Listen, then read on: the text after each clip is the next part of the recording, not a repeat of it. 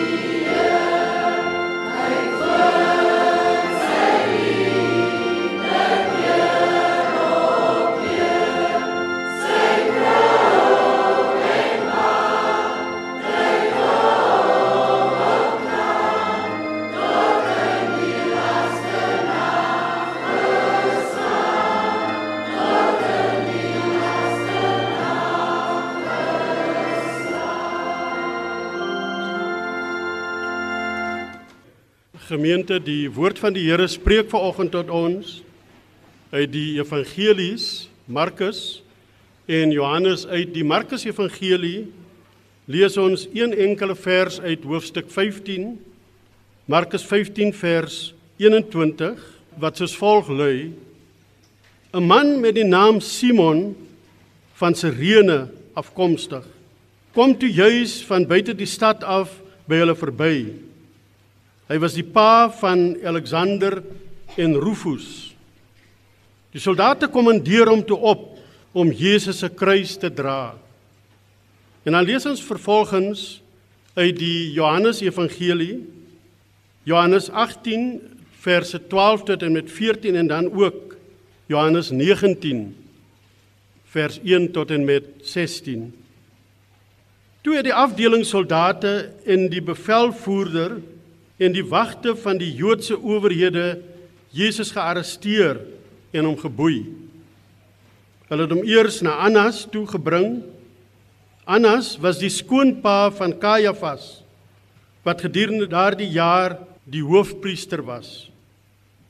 Dit was Kajafas wat die Jode met die raad bedien het dat dit voordeliger is dat een man vir die volk sterf.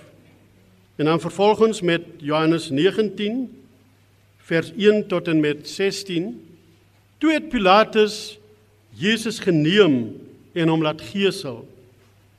En die soldate het 'n kroon van dorings gevleg en dit op Jesus se kop gesit.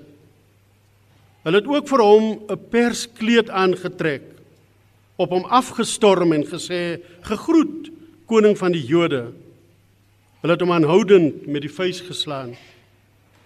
Pilatus het weer 'n keer buitentoe gegaan en vir die Jode gesê: "Kyk, ek bring hom vir julle buitentoe sodat julle kan besef dat ek hom onskuldig bevind."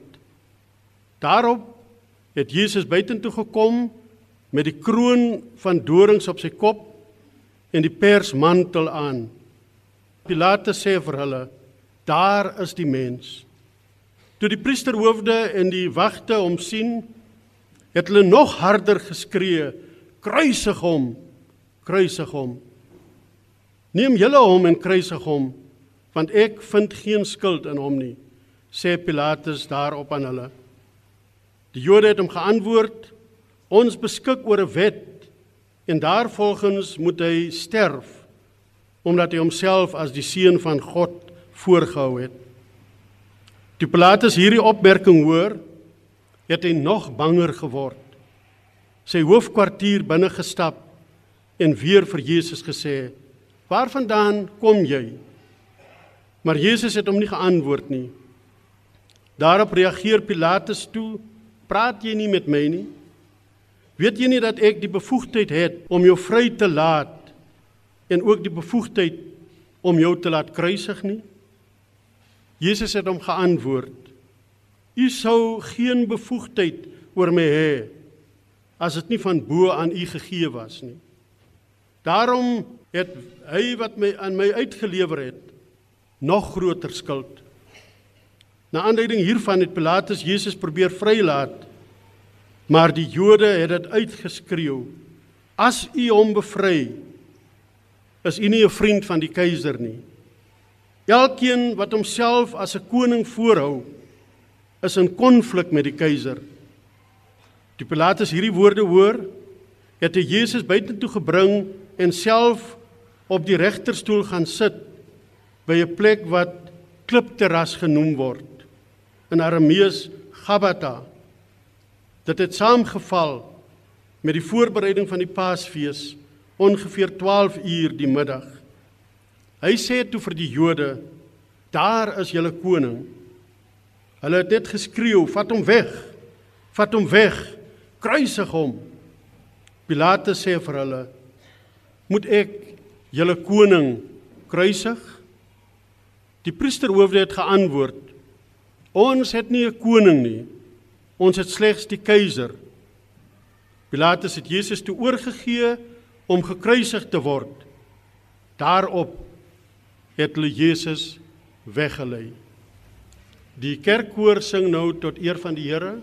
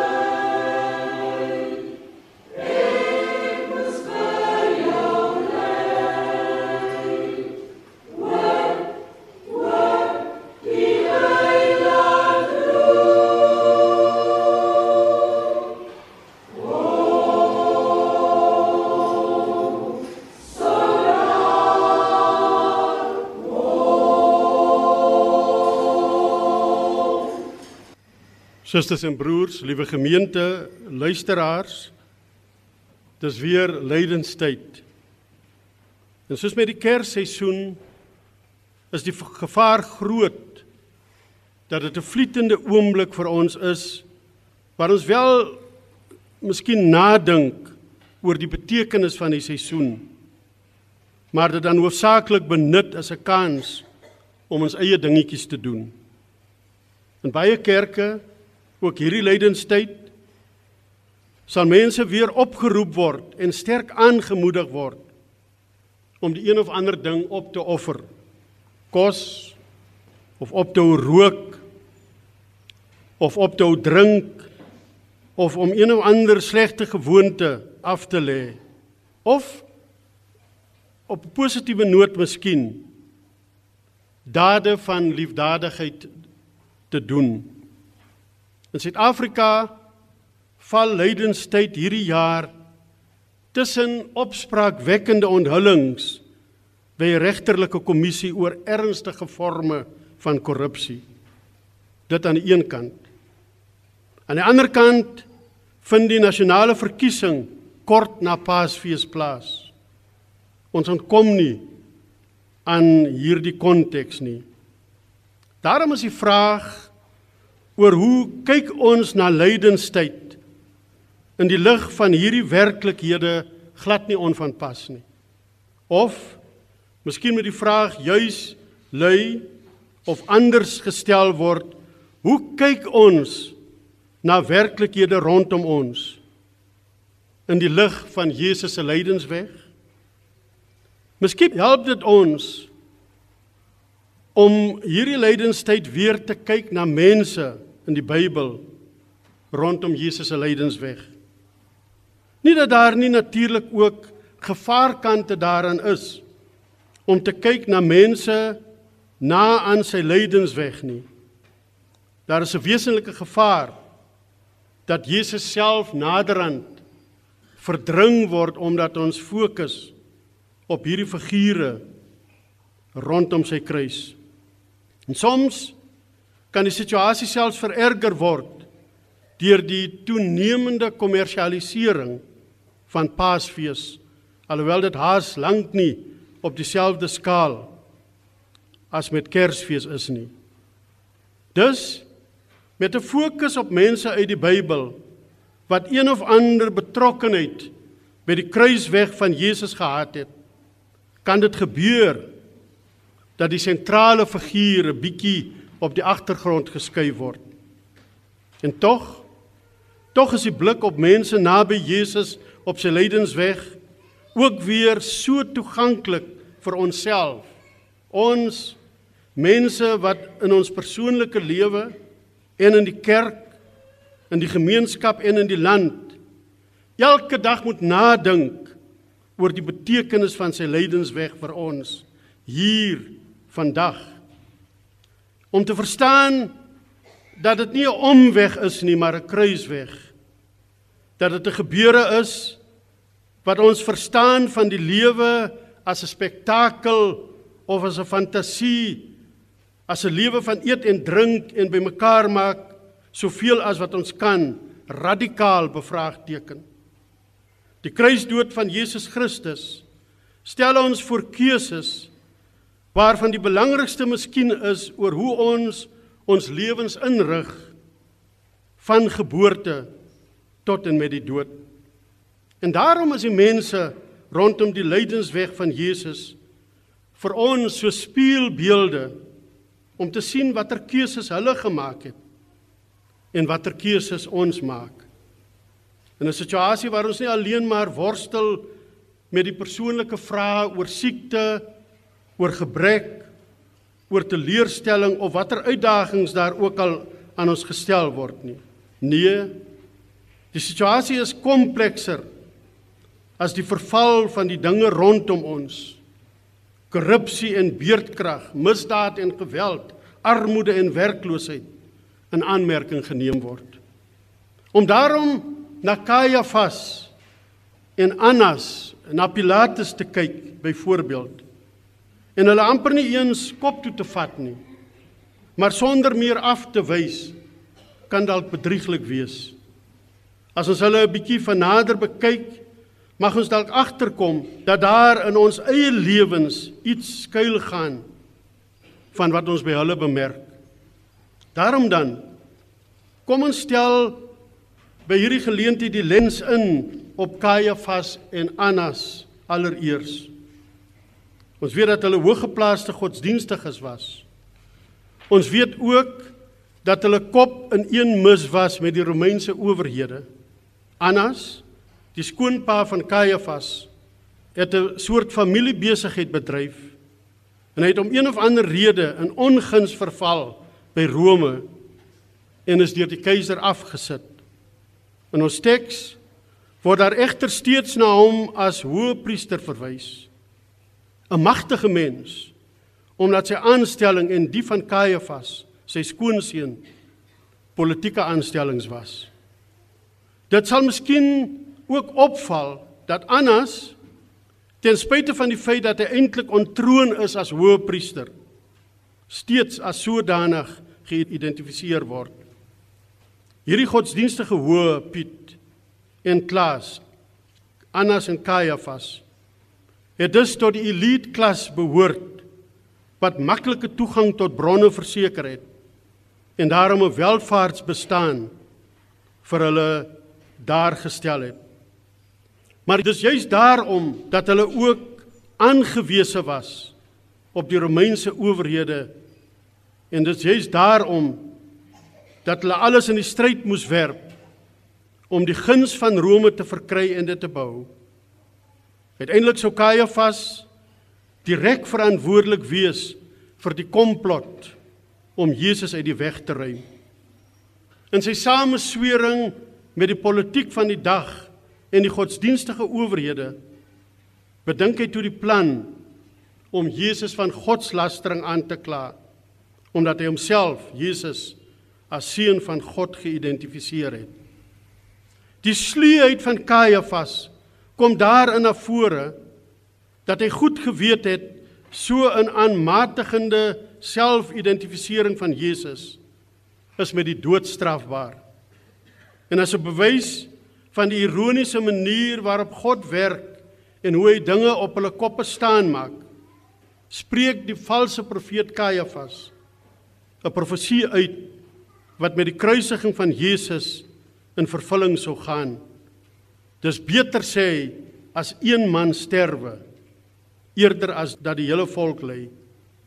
Caiaphas is te gelykertyd magtig en bloeddorstig. En hy is strategies en takties in sy voorneme om van Jesus ontslae te raak. Hy wentel die plan af op Pilatus die goewerneur omdat hy geweet het dat die oor die mag en die bronne beskik om Jesus dood te laat maak en dat 'n enige opstand onder die volk maklik in die kiem sou kon smoor.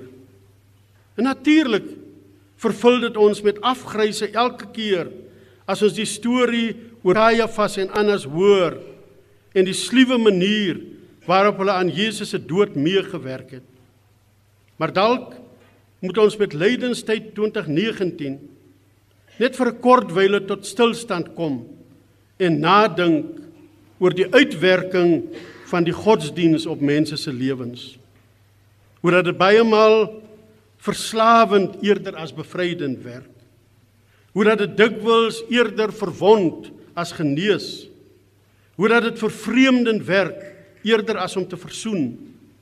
Hoe dat dit verdeel eerder as om die skeidsmure af te breek.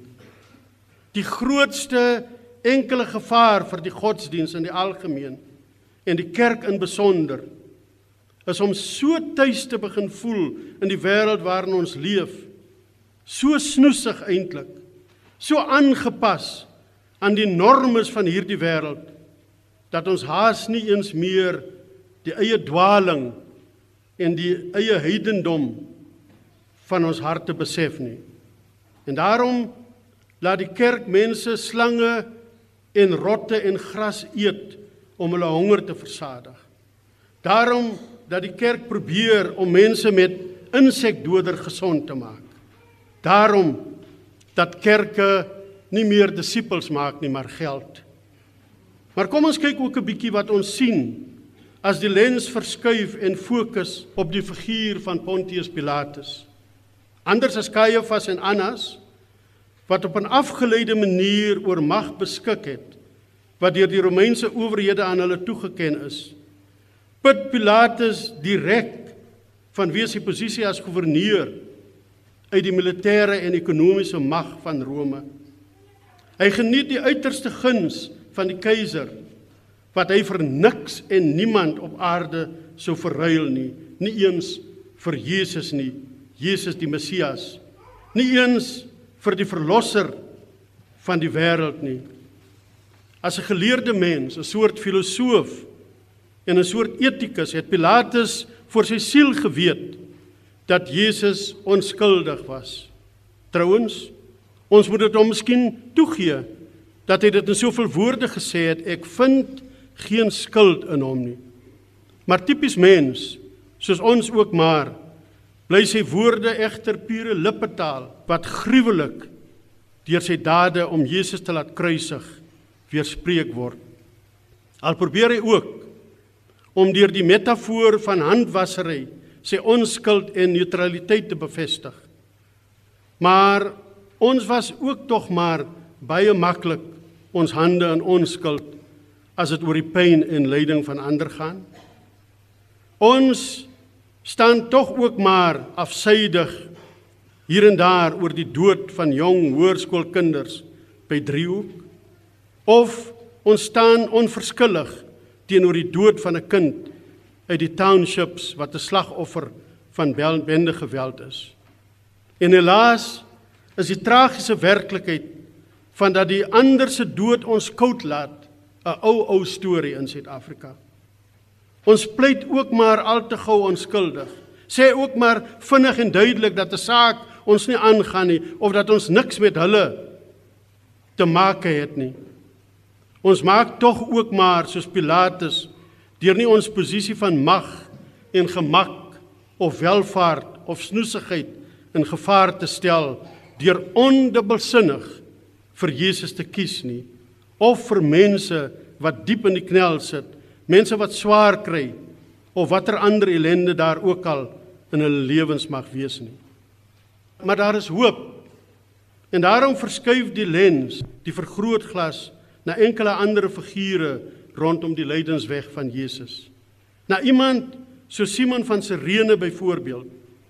En alhoewel die verwysing na Simon en sy storie op die oog af ietwat tragies voorkom, spreek dit tog van hoop en verwagting.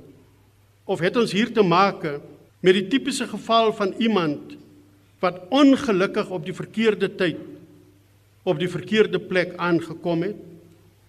Simon van Sirene bevind hom na alle waarskynlikheid as godsdienstige Jood in Jerusalem vir die Paasfees. Hy's hier om in herinnering te roep die groot verlossingsdaad van God toe hy sy mense uit Egiptiese slawerny bevry het. Hy's hier na 'n reis van ongeveer 1500 km uit wat vandag bekend is as Libië in Afrika. Sekerlik nog 'n bietjie moeg van die dae lange reis en skielik die skok, die verbasing, selfs die diepe verontwaardiging as hy gedwing word om Jesus te help dra aan die kruis. Sy verontwaardiging lê miskien daarin dat hy gedink het moet ek werklik nou 'n misdadiger 'n skurk se kruis help dra. Wat verder met Simon gebeur het, weet ons nie. Behalwe dat die name van sy seuns Rufus en Alexander pertinent in die Nuwe Testament genoem word.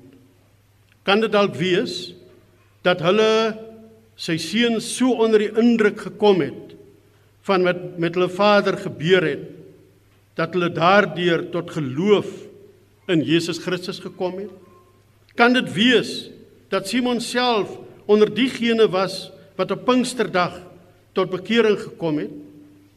Wat ons wel weet is dat met die toetrede van Simon van Sirene tot die toneel van Jesus se lydensweg kom daar al iets na vore van universele aard van Jesus se sending.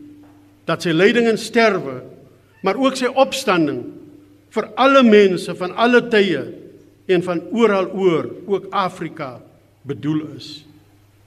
In die geskiedenis sou daar van tyd tot tyd mense wees wat 'n navolging van Simon van Sirene en 'n besonder as 'n daad van gehoorsaamheid aan Jesus Christus hulle self aan 'n stuk kruishout laat vasspyker.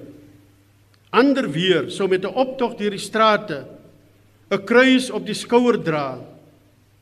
Jesus se kruisweg kan egter nie nagemaak word nie. Maar hy nooi ons wel op 'n ander manier uit om kruisdraers te wees. As iemand sê Jesus agter my aan wil kom, moet hy homself verloën, elke dag sy kruis opneem en my volg. Want elkeen wat sy lewe wil behou, sal dit verloor. Maar elkeen wat sy lewe om my ontwil verloor, sal dit behou. Die uitdaging wat Jesus hiermee aan ons stel is om allereers sy heerskappy in ons lewens te aanvaar. Om met al ons kennis, al ons kundigheid en al ons vernuf, al ons eie mondigheid en ekkigheid die knieval voor Jesus te maak en hom toe te laat om die leiding te neem. Om hom agter die stuurwiel toe te laat. Dis waartoe hy ons roep. Maar daar is meer. Jesus se uitdaging aan ons is om nie weg te skram van lyding nie maar dit moedig en gelowig te omarm deur na sy voorbeeld te kyk hy sal ons wys hoe ons hom moet volg want die diepte van sy uitdaging aan ons is om tot selfopoffering te kom en nie aan selfhelp vas te hou nie. Al manier waarop ons kan weet wat ons ware identiteit is. Al manier waarop ons onsself kan vind is deur die kruisweg.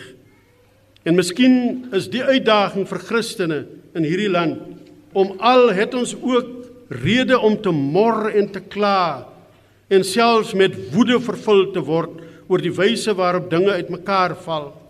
Dalk word ons nou, juis nou geroep om in die lig van die lydensweg van Jesus te dra wat ons moet dra en te verduur wat ons moet verduur.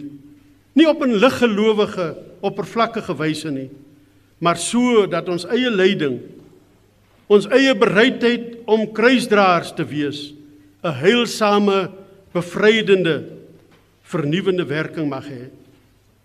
En van bevryding en vernuwing gepraat. As ons die lens nou op die ander figure rondom Jesus se lydensweg laat fokus, sal ons agterkom hoe seer hierdie nie 'n uitsiglose onderdrukkende lyding was nie, maar 'n weg tot nuwe dinge.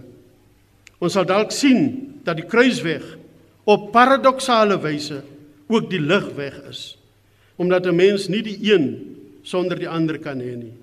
Daarom verskuif die lens ten slotte na 'n vrou en 'n man daar by die kruis van Jesus wat hom sou volg en wat hy soos volg sou toespreek. Vrou, daar is u seun. Seun, daar is jou moeder.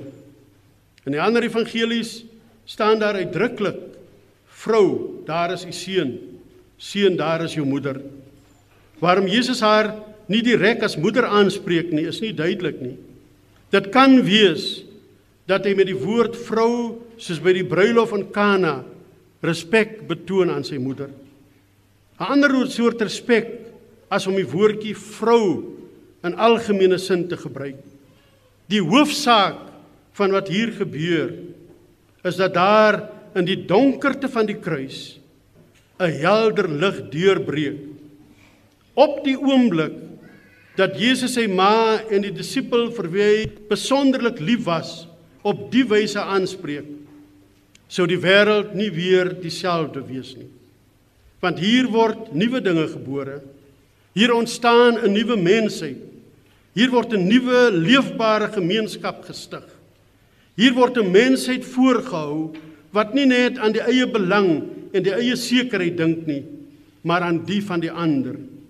En Jesus self stel die volmaakte voorbeeld deur in die oomblik van diepe vernedering met 'n liggaam wat ril van die pyn en 'n hart wat amper te vergeefs na God vra eerder aan die versorging van sy moeder te dink as aan homself en so so breek daar te midde van die pyn en lyding te midde van die duisternis te midde van die vrese 'n fees los van 'n nuwe versoende mensegemeenskap waar omgee vir mekaar, omsien na mekaar en die omarming van mekaar sentraal staan.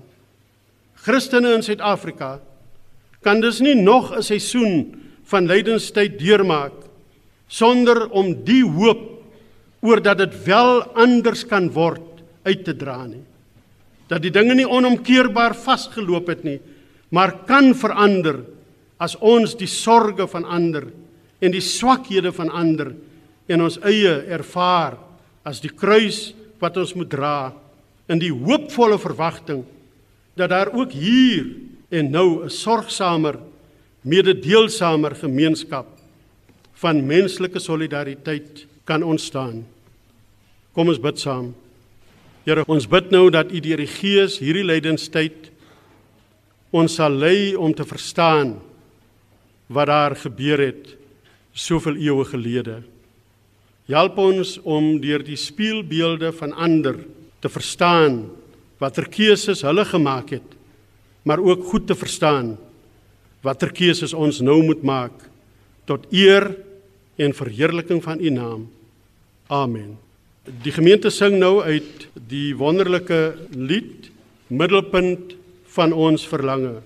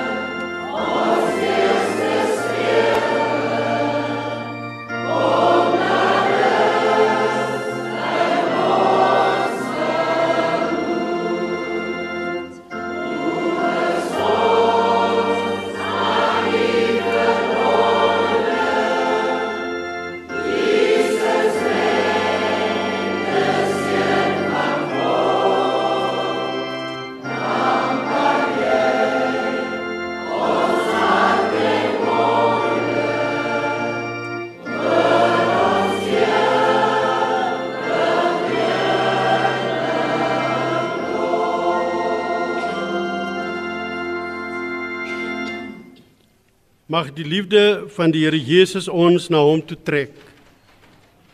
Mag die krag van die Here Jesus ons sterk maak in sy diens. Mag die vreugde van die Here ons vervul. En mag die seën van die almagtige God, die Vader, Seun en Heilige Gees tussen ons wees en vir altyd bly. Amen.